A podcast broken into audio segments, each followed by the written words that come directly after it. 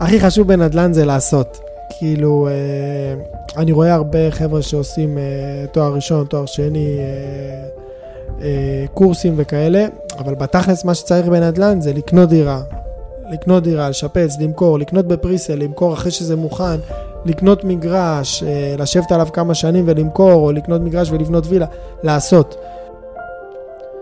בפרק של היום נראיין את נדב ברזילי, מנכ"ל קבוצת ברזילאי שמתמחה בבנייה רוויה ומגורי סטודנטים.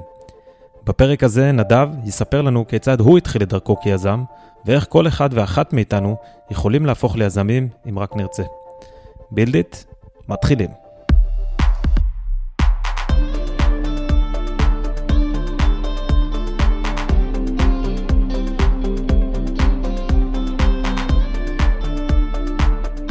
ברוכים הבאים לבילדיט עם תום בורג וגיא העליון.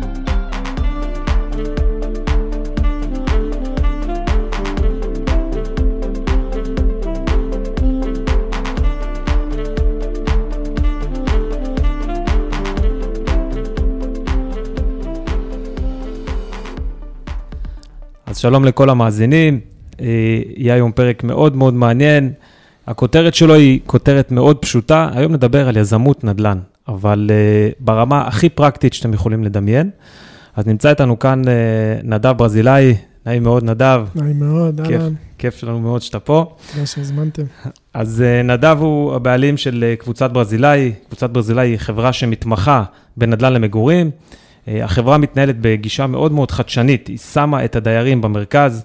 Uh, אגב, אני מאוד הופתעתי אה, ככה בשיחות שלפני הפודקאסט אה, עם, אה, עם נדב, והבנתי שהם עושים את הכל, הם גם עושים את היזמות, הם גם עושים את הבנייה, ובכלל התפלאתי שהם גם חברת הניהול של, ה, של הפרויקט. כלומר, זה, יש אבא ואימא, שלדעתי אולי חברה אחת או שתיים בארץ עושות את זה, וזה דבר מדהים, שיש בעצם חברה שלוקחת על עצמה את כל הדבר הזה, ובאמת עובדת מהלב.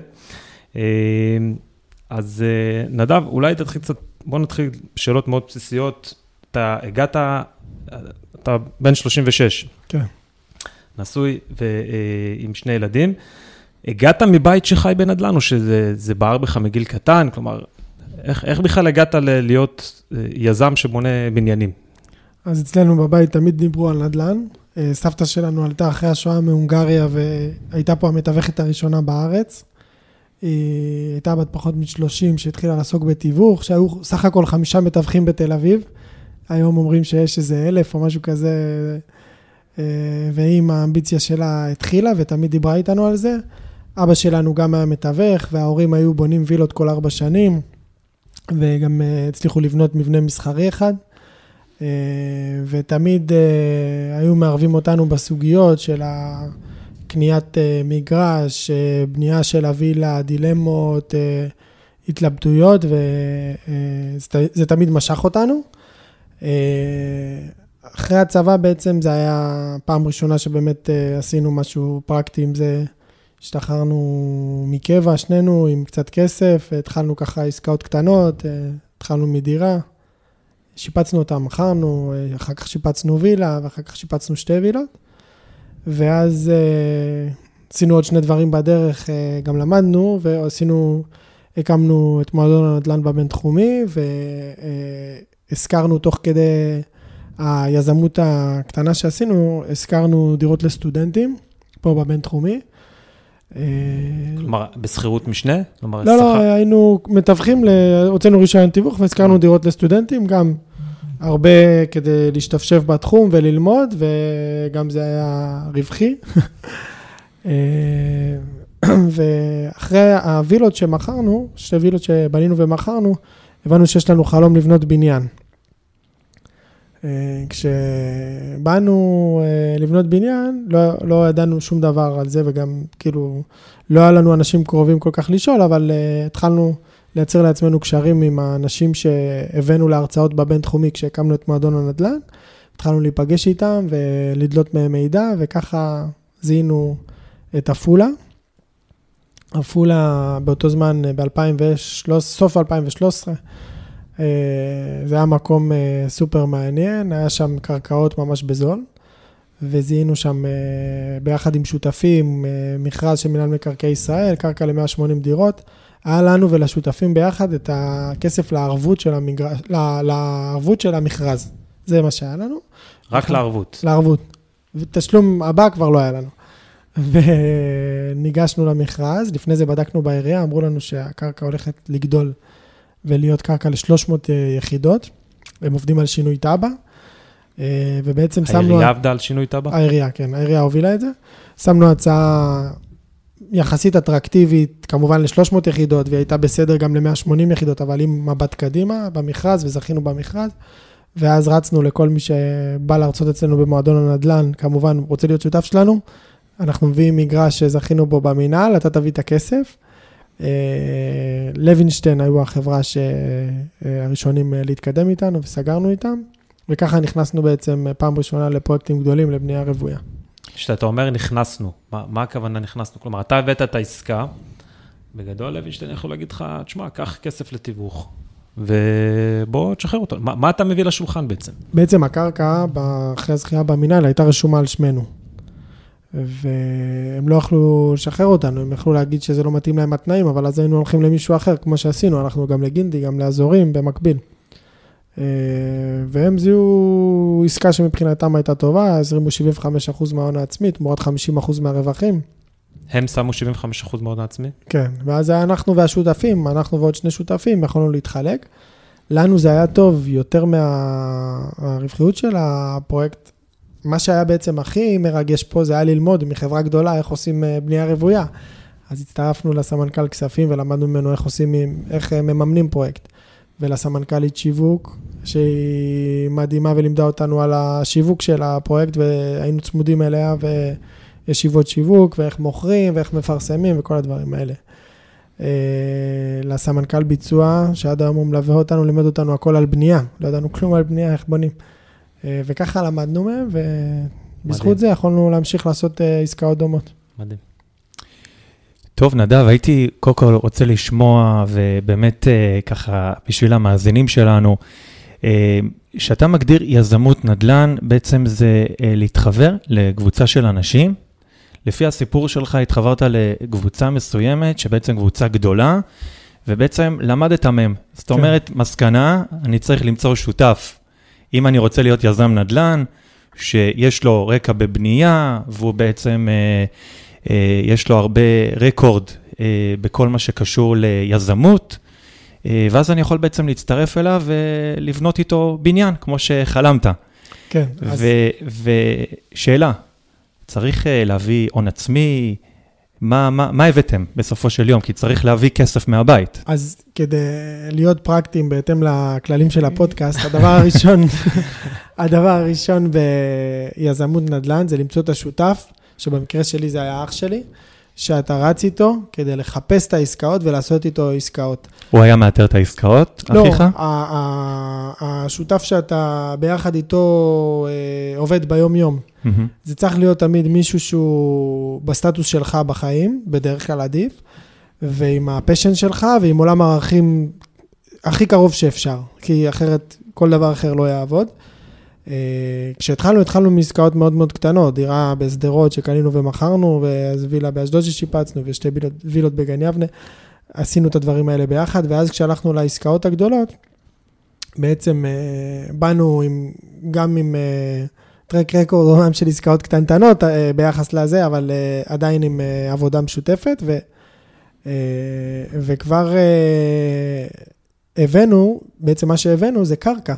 זכינו במכרז, והבאנו לאנשים, אה, לחברה יותר גדולה מאיתנו עסקה מוכנה, קרקע שזכינו בה, ואז משם המשכנו להתגלגל. והם הזרימו את הכסף על הקרקע. אתם כן. בעצם הנגשתם את הקרקע, והם אה, אה, בעצם העבירו את הכסף, את ההון העצמי ואת הערבויות, כי זו חברה גדולה. את ו... הערבויות למכרז אנחנו הבאנו, אנחנו ועוד שני שותפים, ואחרי הזכייה הם הביאו את הכסף לשאר הפעימות של התשלום על המגרש, ואז לפתיחה של הליווי הבנקאי.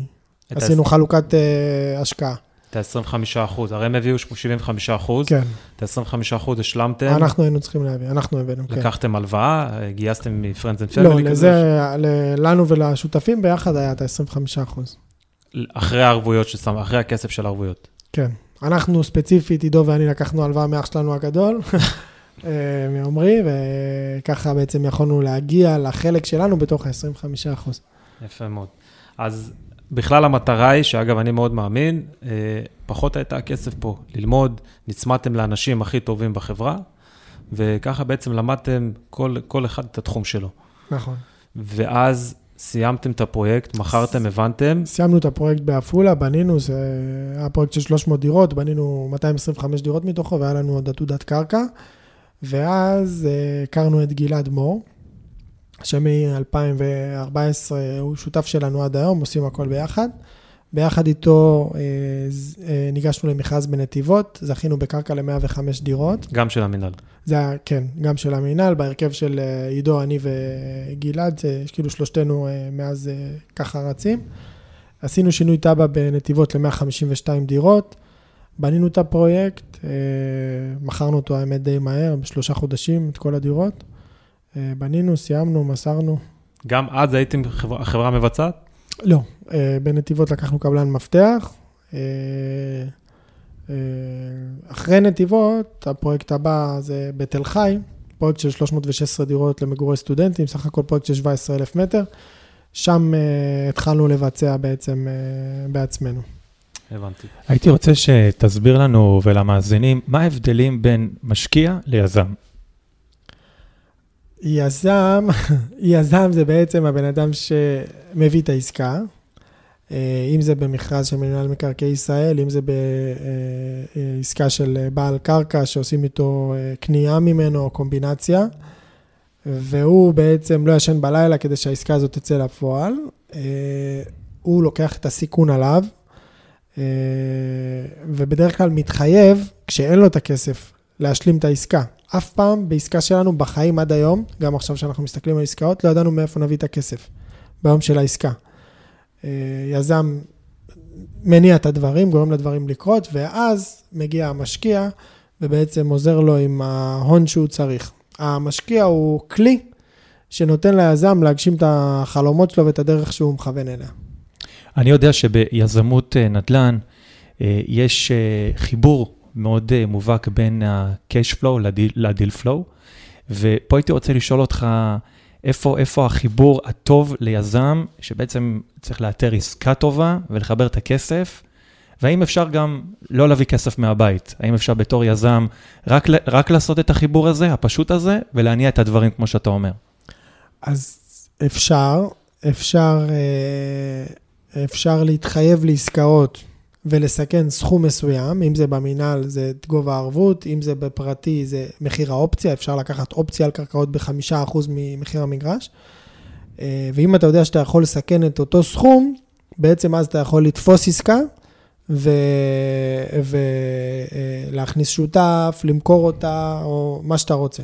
זה בעצם, בתור יזם, אתה צריך לדעת שיש לך את, ה... את מחיר האופציה, את המחיר שייתן לך לתפוס את העסקה. שווה. ליזמים מתחילים. איך היית יכול לייעץ או להמליץ, וגם למי ששומע אותנו, שרוצה להתחיל היום בתחילת דרכו להיות uh, יזם, איך, מאיפה אני רוצה להביא uh, משקיעים, נטוורקינג חדש, מה, מה הכלים לעשות את זה? אז אנחנו בישראל, בישראל הדבר הכי קל בעולם זה לפגוש כל אחד במדינה, כי תמיד יש איזה מישהו שמכיר אותו, ולשבת איתו על קפה, קודם כל ללמוד. עכשיו, הרבה אנשים אוהבים גם לספר על עצמם וגם לעזור, זה, זה מדינה של אה, סחבקים. כאילו כל יזם שאתה תרצה לפגוש אותו, לשבת איתו לקפה, תנדנד לו, אחרי חודש הפגישה הזאת תקרה. ודבר ראשון, אה, בנטוורקינג אני חושב שזה מצוין גם להכיר, רק לשם ההיכרות וגם להכיר בשביל ללמוד, אז פגישות קפה.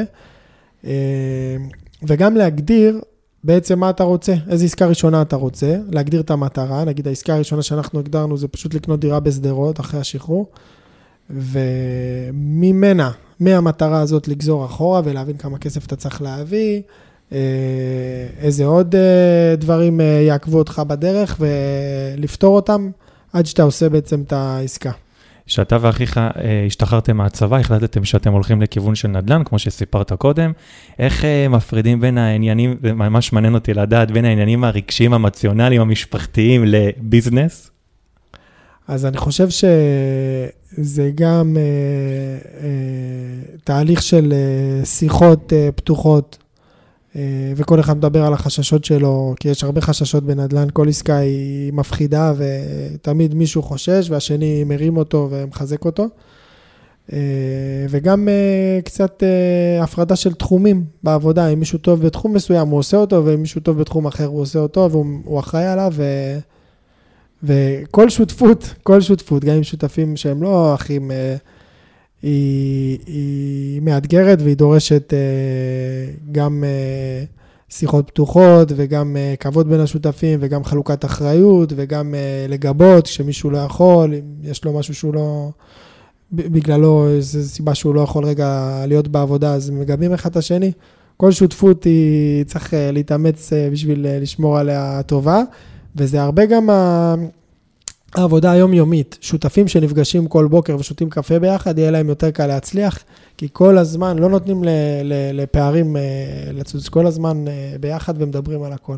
ובונים תוכנית עסקית, כן. בכל זאת, בחורים אחרי צבא, מאיפה הידע? להתחיל עכשיו להיכנס לעולם. לא ידענו מה זה תוכנית עסקית ולא ידענו מה זה משכנתה בעסקה הראשונה. אה, פשוט אה, רצינו, הגדרנו שאנחנו יכולים לקנות דירה ב-500,000 שקל, לא ידענו שאנחנו יכולים ביותר עם הכסף של הקבע, ו... והלכנו על זה. תוך כדי העשייה לומדים הרבה. מהפחד שאתה תפסיד את הכסף ואתה נהיה פרופסור. טוב, כמו בכל דבר בביזנס, חייבים לקחת את הסיכונים, לקחתם פה את הסיכונים, התחלתם מקטן, והיום אתם ממש קבוצה גדולה, קבוצת ברזילאי, שאפו. תודה. יש לי שאלה בדיוק בעניין הזה. איך היום, בסדר, דירה הבנו, יש לנו קצת כסף, אפשר ללכת לקנות, זאת בתכלס העסקה הכי סולידית אה, בתחום כשמדובר בדירת מגורים. היום, כשאמרת שאנחנו נכנסים, גם היום כשאנחנו נכנסים לפרויקט, אנחנו לא יודעים מאיפה נביא את הכסף. כן. עכשיו, היום אולי אחרי כמה עסקאות הם כבר הרבה יותר מנוסים, אבל בעסקה הראשונה, אפילו השנייה, אתה בא, אתה שם את המילה שלך ומתחייב, איך אתה בכלל יודע אם בסוף הדרך הפרויקט יהיה רווחי? לגבי פרויקטים, יש שיטה קלה, שזה נקרא דוח אפס. אה, שווה למי שלא עשה דוח אפס אה, לשבת עם שמאי. ולעשות איתו ביחד, או לתת לשמאי לעשות. השיטה הכי טובה לדעתי זה פשוט לשבת עם שמאי כדי ללמוד כל שורה בדוח, או עם יזם אחר. אמ, אם הדוח אפס מראה שההכנסות, שזה כל המכירות של הדירות, פחות ההוצאות, אה, נותנות 15% רווח, אז יש עסקה. זה בסדר.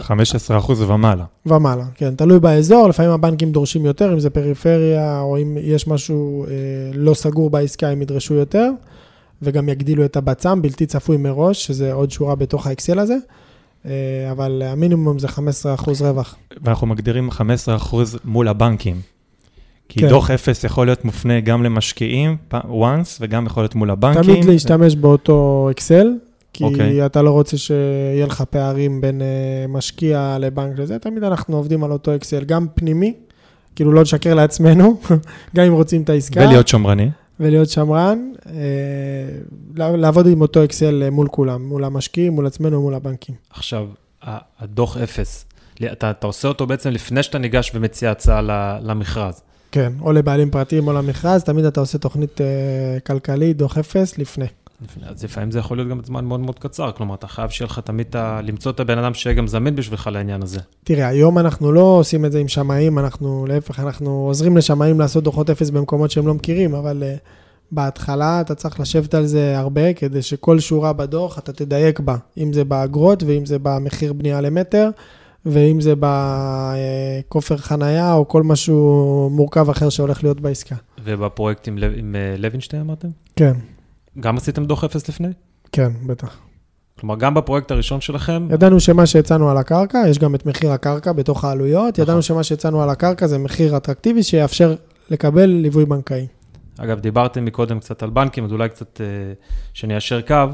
בעצם, כשאנחנו מדברים על בנקים, כי בנק הוא בנק, הוא גוף מלווה, יש בעצם אה, חוזה בנקאי סגור לכל פרויקט, זה נקרא, כן. ובעצם אתה כיזם מגיע לבנק ומבקש ממנו שילווה איתך את הפרויקט לפי שיטת השוברים, כלומר שכסף לא מגיע ישירות אליך, הוא לא משולם ישירות אליך, הוא משולם על ידי שובר שהבנק מנפיק, והבנק כביכול הוא גוף, לא כביכול, הוא גוף מפקח עליך, ובעצם נותן את הערבויות לפי חוק המכר לאותם אה, אה, רוכשים. בדיוק. ולכן, כשתום ואתה דיברתם על, אה, על איך שהבנק בוחן את העסקה, הוא בוחן את העסקה כי הוא בעצם, מתוך ראייה שהוא הולך ללוות את, ה, את הפרויקט יחד איתכם, עד, מההתחלה ועד הסוף. בדיוק. מדהים. אז, אה, אז הבנו איך ניגשים לבחון פרויקט, ואתם עובדים היום בעיקר בפריפריה? כן, אנחנו מאוד מאוד אוהבים את הפריפריה. אבל דווקא אה, יזמים בורחים משם, לא? הרבה יזמים אוהבים תמיד את המרכז, בתל אביב. לא, מה עם תל אביב? איפה תל אביב בכל הסיפור? יש לנו פרויקט אחד של 36 דירות בתל אביב, שעכשיו אנחנו אה, בשלבי היתר. אנחנו פחות אוהבים את המרכז, יותר נהנים בפריפריה, אנשים אה, שמקבלים אותך בזרועות פתוחות, כולל ראש העיר, מהנדס העיר. אה, אנחנו מזהים, לא בכל מקום בפריפריה, אבל יש מקומות בפריפריה שאנחנו מזהים שהולכת להיות קפיצה. אם נגיד מקום בפריפריה עולה מיליון, הסיכוי שזה יגיע למיליון 100 או מיליון 200 בתנאים הנכונים, שזה אומר עלייה של 20 אחוז, הוא יותר גדול מאשר עלייה של 20 אחוז בתל אביב, באותה, באותו זמן, כאילו בשלוש שנים או ארבע שנים שאנחנו מגדירים שזה מעניין אותנו. אה, וכשאנחנו רואים שיש אה, השתפרות בנגישות, רכבת, כבישים, מקומות עבודה, אה, חינוך טוב, דברים כאלה, אז אנחנו הולכים על זה. טוב, אז אולי תגיד לנו מה היעד הבא. האמת שאנחנו זכינו השבוע בשעה טובה בעוד מגרש בדימונה, זה כבר מצטרף לעוד שני מגרשים שזכינו שם, סך הכל 400 דירות. מזל טוב. תודה. אה, אז דימונה. אה, דימונה זה, זה פרויקט משמעותי, ואנחנו מסתכלים על כל המכרזים במינהל ומגישים. ואיך איך אתה מקדם פרויקט? אתה מגיש בעצם את ה... מגישים הצעה במינהל, במינהל מקרקעי ישראל, רשות מקרקעי ישראל, ומי שמגיש את ההצעה הכי גבוהה אה, במכרז רגיל זוכה, במכרזים של מחיר מופחת או מחיר למשתכן, מי שמגיש את ההצעה הכי נמוכה למטר מכירה זוכה, אה, ואז האקסל נהיה קצת יותר מסובך. אתה שם דירות שאתה תמכור בזול לפי מה שאמרת, דירות שאתה תמכור במחיר השוק שהן לא במסגרת הדירות המופחתות, ואז אתה מקבל בעצם את, את מחיר הקרקע או את המחיר המופחת לדירה. מה אתה חושב על שכירות לטווח ארוך? אני יודע שזה כלי די חזק עכשיו, וגם זה די בחיתולים. לדעתי זה הדבר הכי מעניין ש... שאפשר להתעסק בו בנדל"ן. אה, אני חושב שהשוק בארצות הברית מראה שזה, וגם באירופה מראה שזה הפתרון. אה, ובישראל הכל בא בדיליי, חמש, עשר שנים אחרי השוק בארצות הברית, אני חושב שזה יתפתח. המימון לשכירות לטווח ארוך עדיין נמצא בחיתולים. מה זאת אומרת נמצא בחיתולים? כשאתה בתור יזם בא לעסקה, אתה צריך להביא בערך 4-5 אחוז הון עצמי. כשאתה בא לדיור להשכרה, אתה צריך להביא הרבה יותר הון עצמי, מה שגורם לפרויקטים האלה לא לנוע בקצב שיש אה, פרויקטים של דירות למכירה. ברגע שזה ייפתח, שאני מאמין שזה ייפתח בשנתיים, שלוש, ארבע הקרובות, אנחנו נראה פה יותר פרויקטים של דיור להשכרה, ביחד עם הטבות מס של עידוד השקעות הון, Mm-hmm. זה ידחוף את כל העסק הזה של דיור להשכרה קדימה, ואני חושב שאנשים עפים על זה כבר, כאילו, בן אדם יכול להשקיע במה שהוא רוצה, מניות, דירה בפריפריה, או, או כל השקעה, או סטארט-אפים, מה שבא לו, ולגור בהשכרה, בשכירות, איפה שמתאים שהוא גם יודע את המחיר מראש של השכירות ואת העלייה המדודה, ו... יודע בלי שטפלו ש- בו בצורה מקצועית, וזה לא בעל בית שאם אה, מתפוצץ לך הדוד אין לך עם מי לדבר באמצע הלילה, זו חברה, חברה מקצועית שעושה את זה, אה, ולא יוציאו אותו מהדירה, זה נותן הרבה שקט לכל הצדדים. אנחנו שואלים את זה, את כל המרואיינים שלנו, מה דעתך על ה... יהיו עליות מחירים בשלוש שנים הקרובות, דעתך? אני חושב שכן, יש בעיה היום שאין קרקעות, כאילו כל המכרזים שאנחנו פותחים במינהל מקרקעי מהיצע. ישראל. אה, הם טיפה לעומת אה, הביקוש והגידול באוכלוסייה והעלייה מחו"ל והגירושים והעוד ילדים ומלא מלא מלא כוחות שדורשות יותר דירות, ש- ש- שהכוחות האלה מניע ביקוש חזק. אה, אז זה מצד אחד. מצד שני, ריבית נמוכה. אתה לוקח משכנתה היום כמעט בחינם, גם גורם לך לקנות דירות. אה, והזמן להיתר בנייה, זה הדבר השלישי, הוא ארוך בטירוף ונהיה רק יותר קשה. אה, אז ביקוש והיצע, זה, זה ימשיך אה, לעלות, לדעתי. אתה מזהה איזושהי האטה לאור העלייה במס רכישה? אני לא יודע להגיד, אנחנו עשינו מבצע מכירות מאוד אגרסיבי לפני העלייה במס רכישה, מאז שעלה מס רכישה אנחנו לא בפרסום באוויר. אני משער שכן, אני משער שכן, אני לא יודע להגיד. יש עדיין הרבה אנשים שרושמים את הדירה הראשונה על אה, ילד בן 18, שמשתמשים בזה בניצול של הפטור. אה, קצת בעייתי, לא? אני לא, אני פחות אוהב את זה, אגב. אני פחות אוהב, כי בסופו של יום אתה גם יכול, אה, במרכאות, כן, להרוס לילד איזה שהן הטבות שמגיעות לו בתור מי שאין לו דירה. כן, אתה לוקח לו את מחיר למשתכן. נכון. אה, אם הוא בגיל כזה שאין לו סיכוי לקנות במחיר למשתכן אה, בשנים הקרובות, אז הם אומרים, קודם כל ניקח את זה, נקנה דירה טובה ואחר כך נחשוב, כי בחמש, שש שנים האלה, עד שהוא באמת יהיה זכאי למחיר, או שמונה שנים, עד שהוא יהיה זכאי למחיר למשתכן, נגיד, הם יפסידו את השוק, דירות שסתם בדימונה עכשיו מיליון שקל יגיעו למיליון חמש מאות, וכבר כל הפער הזה הם הפסידו. אה, אבל אה, שיקול אה, שלהם, ברור, אם להשתמש. מי שיכול לקנות. מחיר למשתכן, שיקנה מחיר למשתכן, שלא יקנה שוק חופשי, ברור. כן, תלוי באיזה אזורים. אנחנו רואים אה, יש אזורים שדווקא... ממה שאני רואה, הפערים הם גדולים. כאילו, כמובן שבמרכז הרבה יותר גדולים, אבל בכל מקום הפערים גדולים. זה... כן, כנראה שבמדינה שלנו לטווח הארוך זה באמת, הפערים הם עצומים. ולכן הם מגיעים לשכירות לטווח ארוך, זה הדבר הבא. כדי לעזור באמת לזוגות צעירים אה, לגור לטווח ארוך, כי רכישה של. דירה למגורים כנראה תהיה בלתי אפשרית, אה, אני נכון, מניח. נכון, בדיוק. נדב, עוד טיפים. תן לי ככה את השלושה, ארבעה טיפים שאתה, ליזם המתחיל. אה, טיפים מנצחים ככה. אז הכי מהניסיון חשוב, הניסיון לתת שלך. הכי חשוב. רוח הקרב. הכי חשוב רוח- בנדל"ן רגע, זה רוח לעשות. הקרב אבל מהשייטת, תביא אותה. הכי חשוב בנדל"ן זה לעשות. כאילו, אה, אני רואה הרבה חבר'ה שעושים אה, תואר ראשון, תואר שני, אה, קורסים וכאלה, אבל בתכלס מה שצריך בנדל"ן זה לקנות דירה. לקנות דירה, לשפץ, למכור, לקנות בפריסל, למכור אחרי שזה מוכן, לקנות מגרש, לשבת עליו כמה שנים ולמכור, או לקנות מגרש ולבנות וילה, לעשות. אה, מי, ש, מי שרוצה להיכנס לתחום, חייב להגדיר מה ההון העצמי שלו, מזה כפול 4 זה בעצם מחיר הדירה שהוא מכוון אליה. להגדיר את האזור בארץ שהוא רוצה לעבוד בו, לראות איפה יש הזדמנות לעליות מחירים. למה אתה אומר כפול ארבע? אה, 25% הון עצמי, אז כאילו כפול 4 אתה מגדיר, אם יש לך נגיד 300 אלף שקל הון עצמי, אתה יכול לקנות דירות עד מיליון 200, להגדיר את זה כדי שלא תעבוד. הדירה אה, הראשונה. כן, שלא תעבוד סתם. אה, ודירה שנייה, אם זה 50 אחוז, אז כאילו עד פי שתיים. להגדיר את האזור בארץ שרוצים לעבוד בו, כזה שאתם חושבים שיש שם עליית מחירים, ויש ביקוש.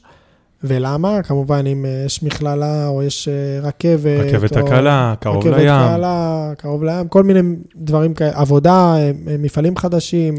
התחדשות. עירונית. התחדשות עירונית, כל הסיבות שבעצם, שהמחיר של הדירה יעלה, ופשוט לעשות, לקנות. זה הדבר הכי חשוב. הדבר השני זה למצוא שותף טוב, אה, שכמו שדיברנו קודם, שמשדרים על אותו גל וערכים זהים ושאיפות אה, זהות כמה שיותר, אה, ולעבוד איתו, כי יש הרבה תקופות מתות בנדל"ן, בין עסקה לעסקה, ויש הרבה תקופות שפתאום, או, או לא תקופות, יש, יש קשיים, יש ירידות, וכל הזמן בארץ יש, אה, יש אה, בעיות בעסקאות וצריך לפתור אותן, זה חלק מהתהליך, אה, וביחד עם השותף הזה לרוץ. הדבר השלישי זה מה שדיברנו קודם, זה פגישות קפה והיכרויות, להגדיל כל הזמן את ה networking, וגם במקביל את הידע, קורסים והעשרה וכנסים וימי עיון וכל מה שאפשר כדי להגדיל את הידע. וזהו, עוד פעם, הדבר הראשון, הכי חשוב לעשות.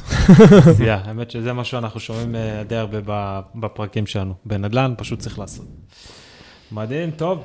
נדב, היה לי כיף גדול. גם לי. למדנו המון, ממש. תודה רבה. אה, ואני בטוח שגם המאזינים למדו. איפה. אפשר רק אה, ככה שנייה לפני הסוף, למצוא אתכם, אתר אינטרנט, פייסבוק, איזה פרויקטים היום יש לכם בשיווק? היום אה, אה, סיימנו את הפרויקט הראשון בדימונה בחודש, 218 דירות, הוא נחטף במהירות שלא ציפינו לה בכלל, אנחנו מתחילים את הפרויקט השני עוד שבועיים, אה, עוד אה, 120 דירות. מה העלות של אה, דירה שם? אה, פחות ממיליון, ארבעה חדרים פחות ממיליון, מהמקומות הבודדים במדינה שאפשר למצוא דירה בפחות ממיליון. לפי המכרז שנסגר השבוע שזכינו בו, לא אנחנו, אבל אה, קבלנים, כמעט כל הקבלנים שזכו לידינו, הם מתכוונים למכור, אני כבר עושה את החישוב של הדוח אפס שלהם, הם יתחילו למכור במיליון מאה. אז מה שאני אומר זה פחות ממיליון, זה, זה, זה מהר מאוד uh, כבר עובר את המיליון לפי, ה, לפי הזכיות האחרונות, וזה מה שאנחנו רואים אגב בהרבה מקומות. Uh, אז הפרויקט הזה בשיווק, תל חי במגורי סטודנטים באוקטובר, uh, בעזרת השם כבר נאכלס אותו, סטודנטים יגורו במתחם, בקו-ליבינג הראשון בישראל, זה באמת uh, כבר מרגש uh, לאכלס דבר כזה, עם 1,500 מטר של חיילים משותפים.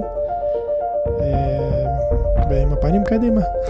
איזה יופי, תמשיכו להצליח. היה אחלה, גיא, אה? מדהים.